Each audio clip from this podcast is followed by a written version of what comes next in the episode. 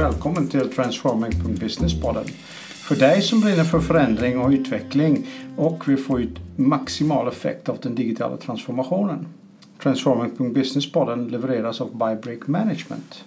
Mitt namn är Ronald von Veen och jag sitter här igen med Johan Bäckman. Ja, Hej. Johan. Hej! Hej, där sitter vi igen. Ja, nu sitter vi här igen. Och, ehm, Något som jag älskar att göra, prata om kultur och ledarskap och Ja, värderingar. precis. Och vi ska knyta an lite till vår förra podd och även förbereda till podd 3. Mm. För vi är i en liten serie om värderingsstyrda organisationer. Mm. Och i förra podden pratade vi just om, om, om vikten av att känna till värderingar och behov och hur de, de hänger ihop med varandra.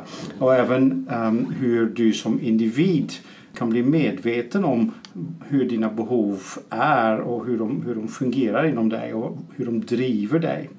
Och att det är väsentliga kunskaper om dig själv som är nödvändigt för att kunna utveckla dig. Mm.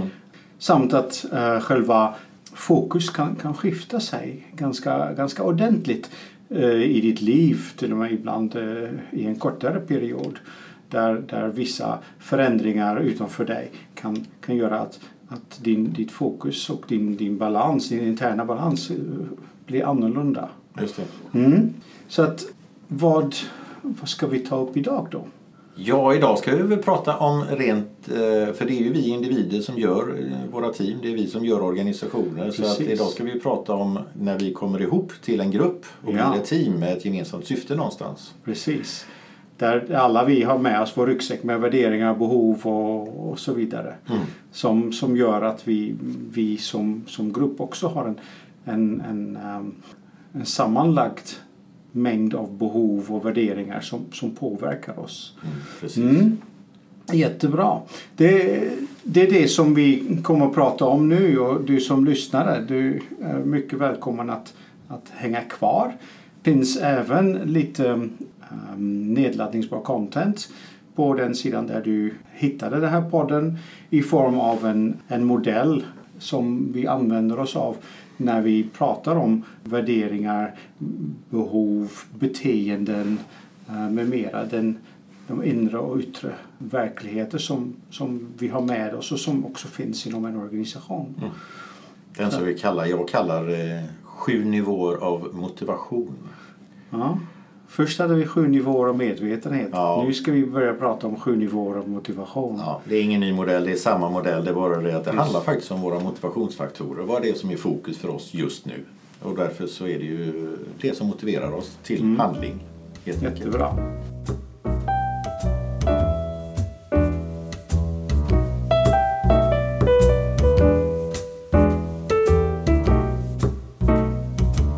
Ja, Johan.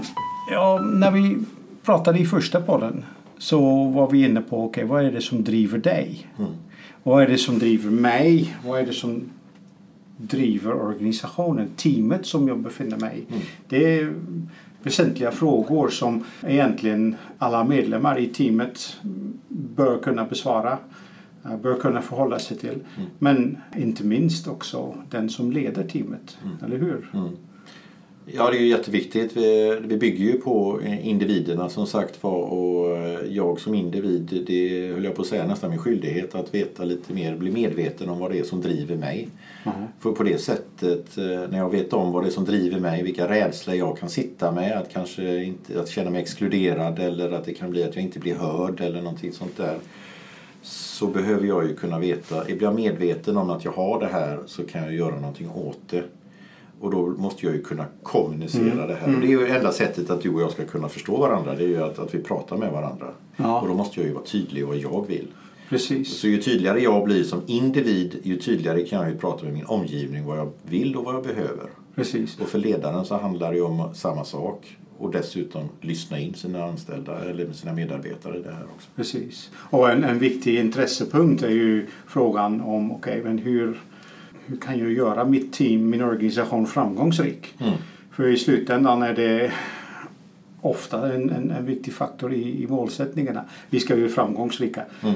Och, Ja, kulturen är ju en aspekt. Ja. Och vi brukar säga strukturen är en annan aspekt. Det är ju där Ja. vi sätter målen, det är där vi har vår strategi, vart vi är på väg någonstans och så Precis. vidare. Det här måste ju giftas ihop givetvis. Precis. Men, men det där med att vara framgångsrik och, och det har blivit allt viktigare. Och fr- framgångsrik, det, är inte någonting som man värdesätter längre på, på samma sätt eller lyckas värdesätta på samma sätt i form av okej men om vi, om vi uppnår så här många miljoner eller miljarder i omsättning. Mm. Det blir andra aspekter som blir viktigare nu. Mm. Ja, förr var det ju bara eh, pengabiten kanske, eller Ja. försäljning. Vi Ja. har ökat så här mycket, eller marknadsandelar. Men idag pratar vi om att vi måste ha roligt på vägen också. Ja, samt att vi måste vara lättfotade. Vi måste kunna Lättfotade det ska vi nog inte vara, men däremot flexibla. flexibla. Okej, ja det är ett holländskt uttryck. Att vara kanske snabbfotad. Snabbfotad, Ja, absolut. Precis. Det, men vi, vi måste kunna reagera på de förändringar i omvärlden Ja. på, på ett helt annat sätt som förut. Jag menar, titta bara på, på hur, um, hur snabbt utvecklingen går idag. Vi pratar i andra poddar och vi skriver även om, om digitalisering och AI. Och, och, och för många är det fortfarande science fiction men den står här runt hörnet och ibland har den, har den redan kommit hit. Ja, och där så är det ju tyvärr så att, att ut- utomlands, företag utomlands ligger faktiskt före oss i Sverige när det gäller den här digitaliseringen. Eh, Så att där behöver vi springa ikapp lite grann och där blir ju det här med eh, värderingsstyrda organisationer jätteviktigt. För det ena är ju AI. Ja. Det kan man ju säga att det är ett typ av verktyg och det är ju någonting vi kan göra. Det är en tjänst som vi levererar och så vidare här. Men det är ju fortfarande vi människor som måste göra ett visst arbete. Det är vi som gör affärer med varandra. Det är inte i, dagsläget robotar eller så som, ja till viss del så gör ju de också affärer med varandra. Ja, ja. Men när vi pratar så är det ju vi människor och det är vi människor som behöver bli tydliga. Och det är ju egentligen både vår kultur men också vårt varumärke. Vad står vi för? Vad är viktigt för oss? Ja, precis. Och, och kommer man in då på de, de faktorerna som påverkar den, den typen av, av företagskultur eller organisationskultur eller teamkultur så är det just att man inte alltid går på de här svarta och röda siffror. Att man mer går på ja, det som känns bra. Oavsett hur mycket information vi har samlat in i form av, av all data som, som flyttar runt som går att, att kombinera si eller så, tvärs eller kors. Men vilken väg ska vi välja? Mm. Ja, den vägen som, som faktiskt ibland som känns bäst. Just det. Och det är bara för att det du säger och bygga på det lite grann. Och tittar man på framgångsrika företag idag. Ja. Jag skulle hävda med bestämdhet och det finns eh, studier som visar på detta också. Att värderingsstyrda organisationer är mycket mer framgångsrika än, än eh, traditionella, om vi ska kalla det, det bolag i detta. Och anledningen till det, det är, det är ju precis det här att Förr så kunde vi titta bak på och ta beslut på vad som hände och så Precis. kanske vi bara liksom förbättrade lite Ja, grann. ja. Idag har vi en sån turbulens i världen så att vi, som du säger, vi samlar in data, vi samlar in fakta till en viss gräns och det kan vi inte. Sen har vi fem olika scenarier Mm. Ja. som säger att det här kan hända, det här kan hända, det här kan hända eller det här kan hända. Och då måste vi ha den så kallade gut feelingen som du säger. Vad Precis. känns rätt för, rätt för oss? Och då måste vi som organisation vara tydliga. Det vill säga vår kultur och vart vi är på väg någonstans. Det Ja. är det som är, eller våra värderingar kanske. Precis. Och då är vi tillbaka till, till det vi pratade om i förra podden. Att vi, att vi pratar om, om värderingar som, som lever inom individer Mm. och en grupp av individer, ett team, en organisation så, så, som, som driver, som motiverar en. Mm. Som, som gör att du, att du faktiskt vill, vill satsa på det du har framför dig. För jag tror det, det är det som, som gör att man kan gå igenom rädslor. Mm. Att man tror på ja men det här är rätt. Det här är den vägen som jag vill. Då vågar du också vara modig. Tror Ja. jag på att det här är rätt väg, Precis. då vågar jag ta de här diskussionerna som krävs för att komma dit också. Precis. Och än en gång, vi är inte psykologer. Nej, vi är inga psykologer. Vi, vi ska inte titta på, på ja, vad i din ryggsäck som har gjort att du kanske inte är så modig idag. Nej, men däremot titta framåt. Vad vill jag vara för? Vad vill vi vara för team eller vad vill vi vara för organisation? Och sen jobba mot det. Det Precis. kan vi göra. Precis. För det som, det som jag tyckte ehm, när jag uh, började sätta mig in i, i, i hur, um, hur alla de här aspekterna hänger ihop och hur, um, hur man försöker beskriva och analysera Mm. ett team som är mer eller mindre framgångsrikt. Mm. Så uh, förutom teamvärderingar så är det också många andra aspekter som, som, uh, som dök upp. Vissa var osynliga eller, eller svårt att sätta fingret på. Och vissa var väldigt uppenbara. Liksom, ja men vi följer den här processen. Eller vi har det här målet, den här strategin. Det här redovisningssystemet som vi måste följa. Och då kom in um, det här trädanalogin. Mm. Kan du, kan du, känner, du känner igen den givetvis? Den är jag väl bekant med. Ja. Och, och, och när du säger trädanalogin och det, det handlar, alltså ett trä från början det är ju, det är ju ett frö. Precis. Ett frö som vi stoppar ner i jorden. Ja. Eh, och för att det ska växa så måste vi vattna det, vi måste ta hand om det, vi måste kultivera det, därav kulturen. Ja. Vi måste ta hand om Ja, det ja. för att, få, att det ska skapa rötter, det sätter rötter Mm. så att det kan börja växa någonting uppåt också. Och ju mer du tar hand om det här trädet, ju starkare rötter får det, ju större blir trädet, ju stadigare står det och är det ett fruktträd så kan du bära frukter av detta också. Och analogt med organisationen så är det ju det Mm. vi försöker göra. Det går inte bara lämna trädet där och inte vattna det. Om det står Nej. ute så är det en sak, men står det inne då får det inget, då dör det. Och Det Precis. är precis samma sak med organisation. Och, och, och det är också den analogin mellan synlig och osynlig. Du Exakt. ser trädets eh, frukter, du ser trädets löv och de är fina förmodligen för att rötterna är, är, är starka och, och, och, och bra. Precis. Men Men om vi, de- vi säger det analogt med trädet så har du ju den på den individualistiska sidan, det vill säga du och jag som personer. Ja. Och det pratade vi om i förra podden att, att för mig som individ så är det viktigt att veta vad mitt rotsystem är. Att jag har ett stadigt rotsystem, det vill säga med dina värderingar, Mm. vad jag har för övertygelse eller normer kallar man det väl också.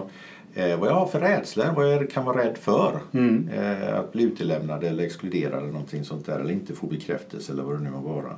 Och det ska ju då komma ut i form av ett beteende och kommunikation. Och det här behöver ju vara då harmoniserat med vem jag är och vart jag är på väg någonstans. Då har vi eh, ett välmående inom oss själva. Vi mår bra, vi är mer närvarande, vi minskar stressen. Sen på andra sidan så har du ju också, du kommer in till en grupp och där Ja. vi individer, nu säger jag det igen, gör organisationen. Precis. Och det gör att när vi individer kommer med våra eh, sätt att vara. Vi kommer in som du säger i våra eh, ekonomisystem, inköpssystem, processer, rutiner, allt detta. Det är det vi kallar liksom det synliga, det är det vi kan se i en organisation. Strukturerna. Strukturen, ja. Och det är det som vi formar oss efter. Jaha, jag hade velat gå ut och köpa en grej.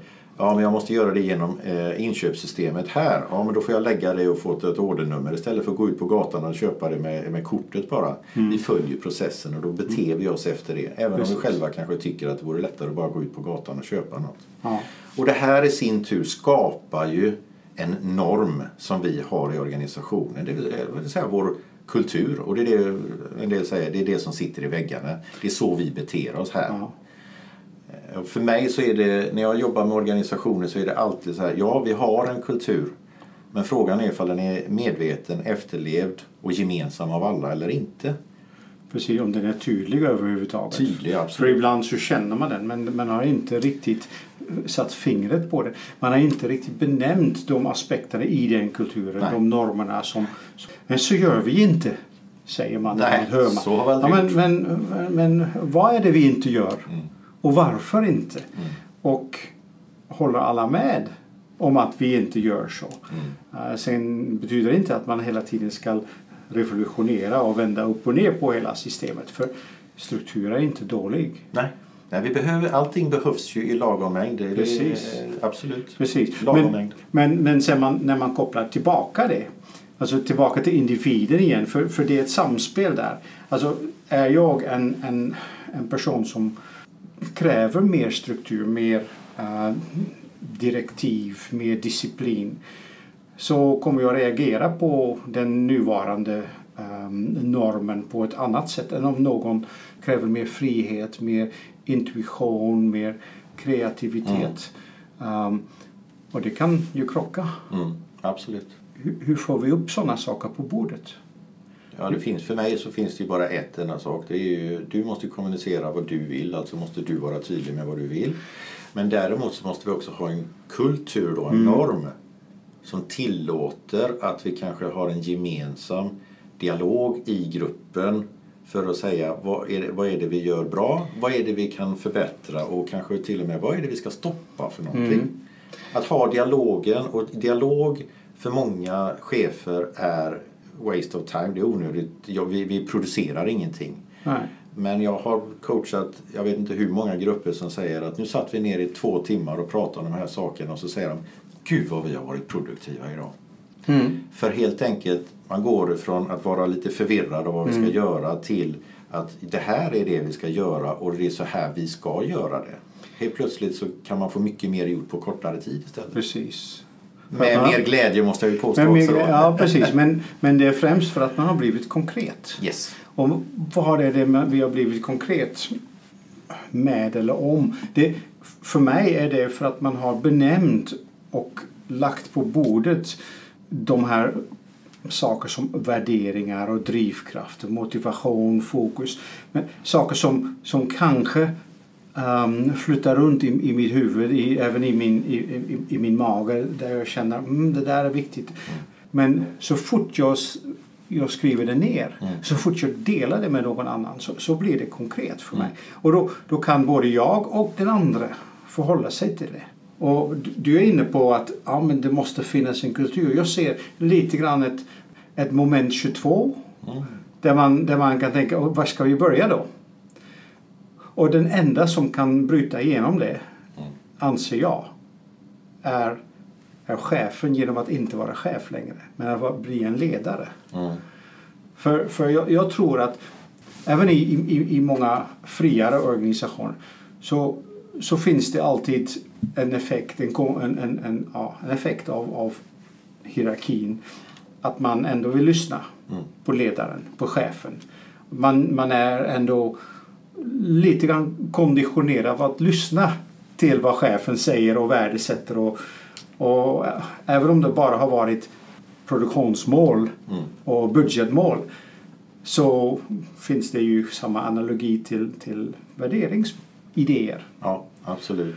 Och- ja, inte bara värderings... ja, Värderingen är ju bara en Ja. möjliggörare för den strategi och de planer vi har och de, och uppnå de mål. precis, precis. Och för att möjliggöra att vi ska nå de målen så måste vi ha den här dialogen då som jag kallar. Inte diskussionen men dialog. Att lyssna på varandra och det är som du säger, gå från chef till bli ledare. För ledare lyssnar in se, och, och, och liksom eh, är tydlig med sig själv för det första. Är tydlig med vad han eller hon vill och, och kommunicerar detta också. Men också kan luta sig tillbaka och lyssna in de andra. Vad tycker ni för någonting? Precis, för, för det är inte så att, att ledaren sätter fram, okej det är de här värderingar som uh, kommer vara lag Nej. i den här organisationen. Nej. Som man ibland ser. Ja. Att ja, men det här är våra värderingar. Upple- eh, uppför dig efter dem. Mm. Ja, delvis. Men delar jag dem Mm. finns det möjlighet att diskutera vad betyder de för dig? Och ofta har vi ju värdering, kärnvärderingar i Ja. våra bolag och så har man det på en plansch någonstans. Mm. Det är säkert, eh, nu kanske jag trappar några tår här men, eh, men det är ofta ledningsgrupper som tar fram eh, de här kärnvärderingarna och man, trycker upp ett, man gör upp ett marknadsföringsmaterial som alla ska kommunicera ut utan egentligen diskutera Mm. vad det betyder. Det är fine att göra det, tycker jag. Men du måste också ta hand om det. att Vad innebär det här för oss Precis. i gruppen? För då kan du börja konkretisera det och integrera det hos dig själv. Precis. Och du hör vad de andra tycker och tänker och känner. Och då kan ni själva göra er bild av vad betyder det här för oss. Då. Får jag ge ett Ja. exempel på en värdering? Ja, Eh, jag tänker, ofta så har vi ett ord i våra organisationer som är respekt. Ja den är en... eh, Den är väldigt vanlig. Respekt eh, mot individen, respekt mot miljön eller vad det nu må vara. Och så Ja. försöker man förklara detta. Precis. Men, och, och här kommer ju det in att, att har vi ett ord som säger respekt och så ska alla vara respektfulla mot varandra och du ska respektera mig och du ska respektera Ja. ja. vad det nu må vara. Titta på ordet respekt så har vi också vad har vi för övertygelse eller, eller vad har jag för Mm. intern övertygelse vad är respekt och vad innebär det för mig? Min tolkning. Ja, nej, men säger jag det så får, och, och jag säger att och det kommer ut i ett beteende. Ja. Och säger jag då exempelvis Moder Teresa. Moder Teresa eh, var, hon, hon hjälpte ju fattiga i Italien med mat och, och sådär och, så, och sjukvård och så. Och hon gav ju sin kärlek, hon var ödmjuk, hon var eh, kärleksfull mot de här i Precis. sitt beteende. Ja. Vissa hävdar ju till och med att hon var så kärleksfull så hon ådrog sig en sjukdom själv så hon dog av detta. Nu vet jag inte vad det är så. Nej. Men, och då är det ju hennes respekt, värdering, sen är det hennes norm som Mm. säger att, eller eh, över- övertygelse och sen ut i ett beteende. Precis. Samma ord, respekt, om vi tar en annan organisation. Mm. Motorcykelgänget Hells Angels. Ja, de har nog en annan eh, begreppsvärld kring respekt. Ja, vad tänker du kring det? Vad har de för eh, övertygelse, tänker du? Makt och rädsla. Makt och rädsla, ja. Ja. Gör det här, annars kanske någonting händer dig. Typ. Ungefär, ja precis. Ja. Och, vi, Beteendet kommer ju ut då i hot och, och våld och så vidare. och hot och våld och precis. Ja. Och det här har vi en ett värdering som är samma, men vi har två olika övertygelser, kommer ut i två olika beteenden. Precis. Och det här har vi ju också när vi kommer som ett gäng in i ett team. Ja. Vi sitter med olika övertygelser och det måste vi prata om. Ja, precis. För om, om du kommer in med dina och jag med mina och vi, vi pratar inte om det så, så förändrar det inte så jättemycket. Förutom kanske att frustrationen ökar. För Ja. fattar inte du att respekt betyder att du är ödmjuk. Ja, och konflikt kommer på, som ett brev på posten. Ja. Tyvärr. Och då är vi tillbaka till vad gör ett team framgångsrikt? Och det, och det är just att, att förstå de gemensamma värderingar. Mm. Som, som om man kopplar tillbaka till den första podden där vi pratar om de individuella värderingar. Mm. Där, där både de individuella värderingar och förståelse kring det men också de sammanlagda teamvärderingar. Mm. Och det, det tycker jag är, är så, um, så spännande när man tittar på, på det, här, eh, det här sättet att visualisera beteenden. Visserligen gör vi det med ord som, som kan då ha olika typer av definitioner beroende på vilken övertygelse. Men, menar du när vi mäter kultur? Ja, precis. Ja, när, vi, när vi mäter kultur. Jag får jag fortfarande lite grann, men, men är det en mätning? Är det en visualisering? Eller är det en, en, ett sätt att, att helt, helt enkelt lyfta det? Jag, jag tycker att det börjar begrepps att, att bli tydliga på, på vad de här värderingarna betyder. Börjar med att vi benämner dem. Mm. Att vi har någonting att förhålla oss till. Alla gillar att prata kring eh, diagram och, och, och staplar och gillar vi att prata om. Ja, precis. Sen, sen hjälper ju själva de, de, de sju nivåer av medvetenhet och de sju nivåer av, av motivation. De hjälper att lägga de värderingar i relation till varandra. För de är ju viktiga på grund av olika eh, aspekter i våra liv. Mm. Olika aspekter i, i, i vår organisation. Just det. Och jag tycker att börjar man visualisera det så, så har man en, tycker jag, tydlig och ganska så, så nästan matematisk modell. Mm. Det är inte flummig alls. Jag håller med. Eh, Det som är viktigt med, med, nu pratar vi om verktyget man kan mäta kultur här och det är ju egentligen tre frågor. Det är tre frågor där man säger vad är dina motivationsfaktorer? Ta ut tio stycken. Precis. Ta ut tio stycken värderingar som du tycker finns i din grupp eller organisation idag. Och så ut tio stycken värderingar som du tycker att din grupp eller din organisation ska ha för att uppnå sin fulla potential. Och det innebär, jag har pratat med en del forskare om detta, eh, ut, personliga utvecklingsforskare i detta, och de säger att det här verktyget, det är ju inget mätverktyg. Det är ett utvecklingsverktyg. För Ja. du, du har inte något rätt eller fel, det är inget benchmark på det sättet. Nej, precis. Och det, det är ingen best practice heller utan det är ett verktyg för dialog. Så att det handlar om att, att få upp det till ytan så att vi kan se det visuellt.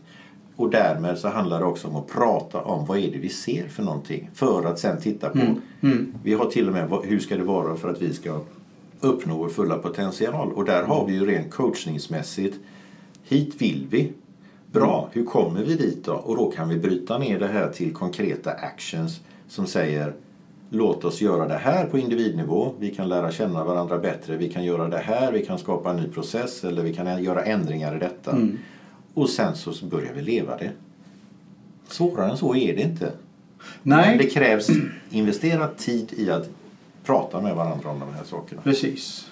Och som du, som du nämner, det börjar med att, att benämna, visualisera. Så vi Ja. har gemensamma ja, data, gemensam fakta att, Mm. att förhålla oss till, Mm. till att börja med. Både på ett individuellt plan som i, en, i, i ett team och i en organisation. Ja. Det där att de här sju nivåer av, av, av medvetenhet från, Mm. från Barrett Value Center är så applicerbara. De är applicerbara på egentligen vilken, vilken grupp som helst. Mm, det är de. Och används till och med för, för nationella mätningar. Mm. Eller hur? Mm. Ja, du kan ju göra det på individnivå, på gruppnivå, organisationsnivå. Nu har vi gjort Sverigestudien.se. Ja, Gå in där gärna och titta på, för där mäter, har vi ju mätt Sveriges eh, värderingar eh, tio år i rad tror jag det är ja nu. precis. Så att det är samma typ av mätning men det appliceras vid olika tillfällen. Så du, är det. du kan till och med göra det för kunderna och fråga vad de tycker om dig som leverantör. Ja. Grymt bra. Absolut. Det som, det som vi har med oss i den här, i den här podden är ju en uh, liten nedladdningsbar content. Mm. Eh, det finns en, en white paper som pratar om värderingar och eh, hur man kan använda sig av den här metoden Mm. av medvetenhet för att, ehm, för att visualisera och, och, och arbeta med värderingar och hu- hu- hur, hur du som individ eller du, ni som grupp vill, vill, vill, arbeta, vill, vill ha det framöver. Mycket bra. Mm. Sen också lite material kring de här eh, analogierna. Till exempel, ja, men, men hur, hur, hur, hur var det nu det här med, med, med trädet igen, med rötterna och, och själva trädet själv, Mm. löven och sånt.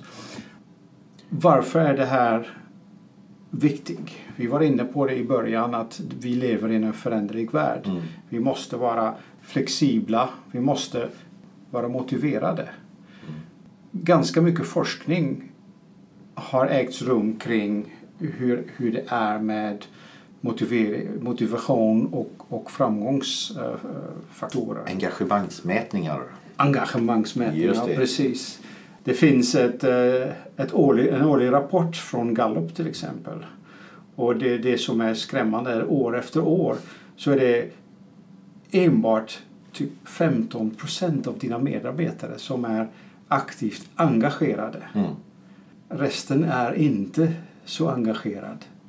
Ja, de, har, de har tre, tre nivåer. Ja, de har tre nivåer, ja. Aktivt engagerade, engagerade och de går till jobbet men inte mycket mer vad jag förstår. Precis. Och sen har vi aktivt urkopplade.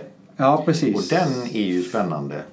Ja, den är visserligen också spännande men överhuvudtaget om Ja. du bara tittar på de 85% som inte är aktivt engagerade Ja, så känner jag att men, om du skulle kunna påverka bara 25% av dem, Mm. en kvart, så skulle du öka, alltså fördubbla engagemangen i din, i din organisation. Mm. Och då tänker jag, vad gör det för prestationen och vad gör det för resultaten i slutändan om du bara får med Precis. dig dem då? Precis. Mm. Om de redan presterar bra på 15 procent, vad Ja. får de då inte om man lägger dubblerar den där då? Precis. Så det, det är ingenting som, som, som, som bara är en bra idé. Nej. Det, är, det finns väldigt bra forskning kring detta. Det gör det allt. Och jätte, jättefina exempel också i, i omvärlden. Eh, första gången jag kom på det var när jag läste boken The Toyota Way Mm. från Liker. Och han beskrev eh, hur Toyota jobbade med eh, strukturella förbättringar överallt. Men inte bara strukturella förbättringar. De jobbade också med, med engagemang, eh, individnivå kring att men det är viktigt för, för dig och för oss att, att, eh, att lära dig dessa saker. Du blir mer produktiv, du har mindre spill, produktiviteten eh, ökar, frustrationen minskar. Och då var det den här fabriken i USA som, som applicerade alla deras förbättringar och blev ja, mer effektiv. Mm. Men resultatet eh, saknades. För deras, den, den lastbilen som de tillverkade, ja, den var inte attraktiv på marknaden. Så att då, då, då kom ledningen till en punkt där de sa att vi, lägger ner detta. Och sen samtidigt hade de i koncernen då en, en, ett annat initiativ för att producera en ny bil.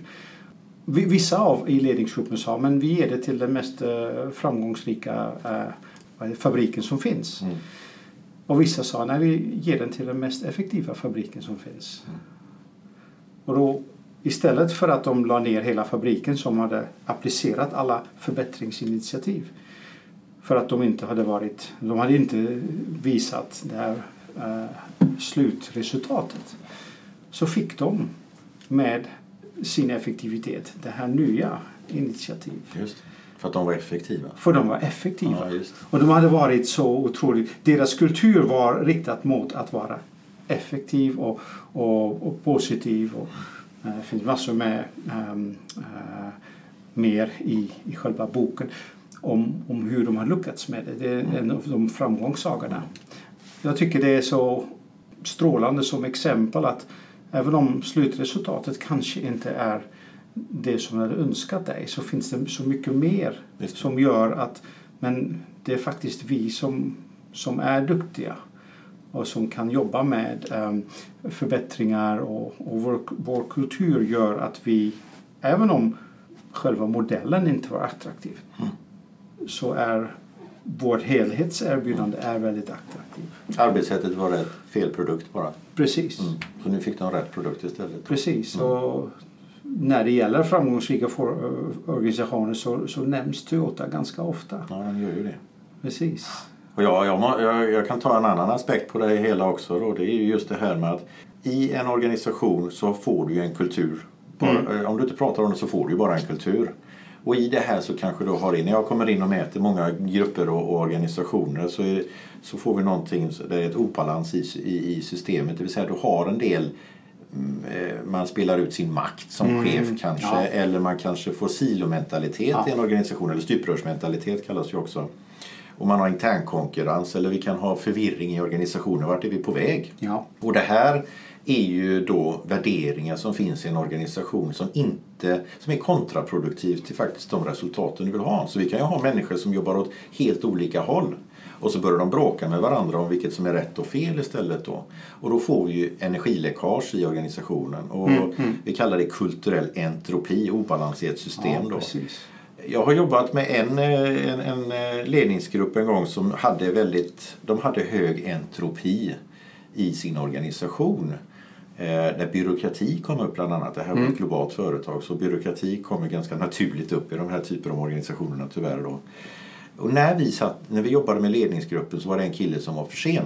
Och Han kom in efter en halvtimme och var förbannad och sa det att vi har just förlorat en affär på 6 miljoner för att vi är för långsamma i vår organisation. De gick till en konkurrent istället. Ja, ja. Det innebär då att rena, rent pengamässigt så är det ju lätt att räkna hem de här entropin då för att det skapar inte produktivitet, effektivitet utan det skapar en osämja och frustration i organisationen. Precis. Så det här är jätteviktigt att få ner den här orga- teamorganisationens kultur eh, eller entropi då, eller organisationen till en låg nivå. Det vill säga bort med frustrationen, bort med, med det vi inte, som inte ger oss värde.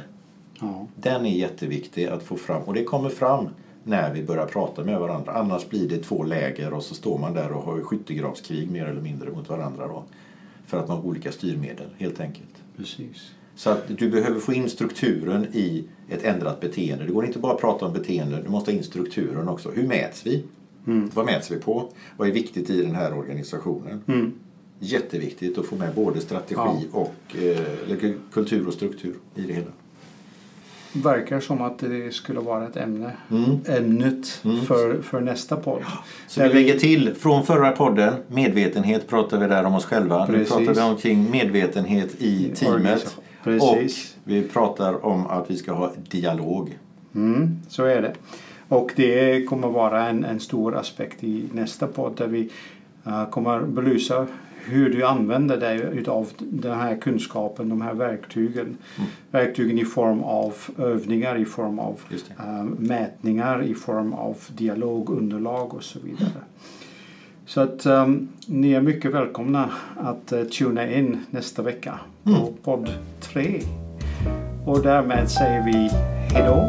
Hej då! Tack så mycket. Johan. Tack själv. Vi hörs!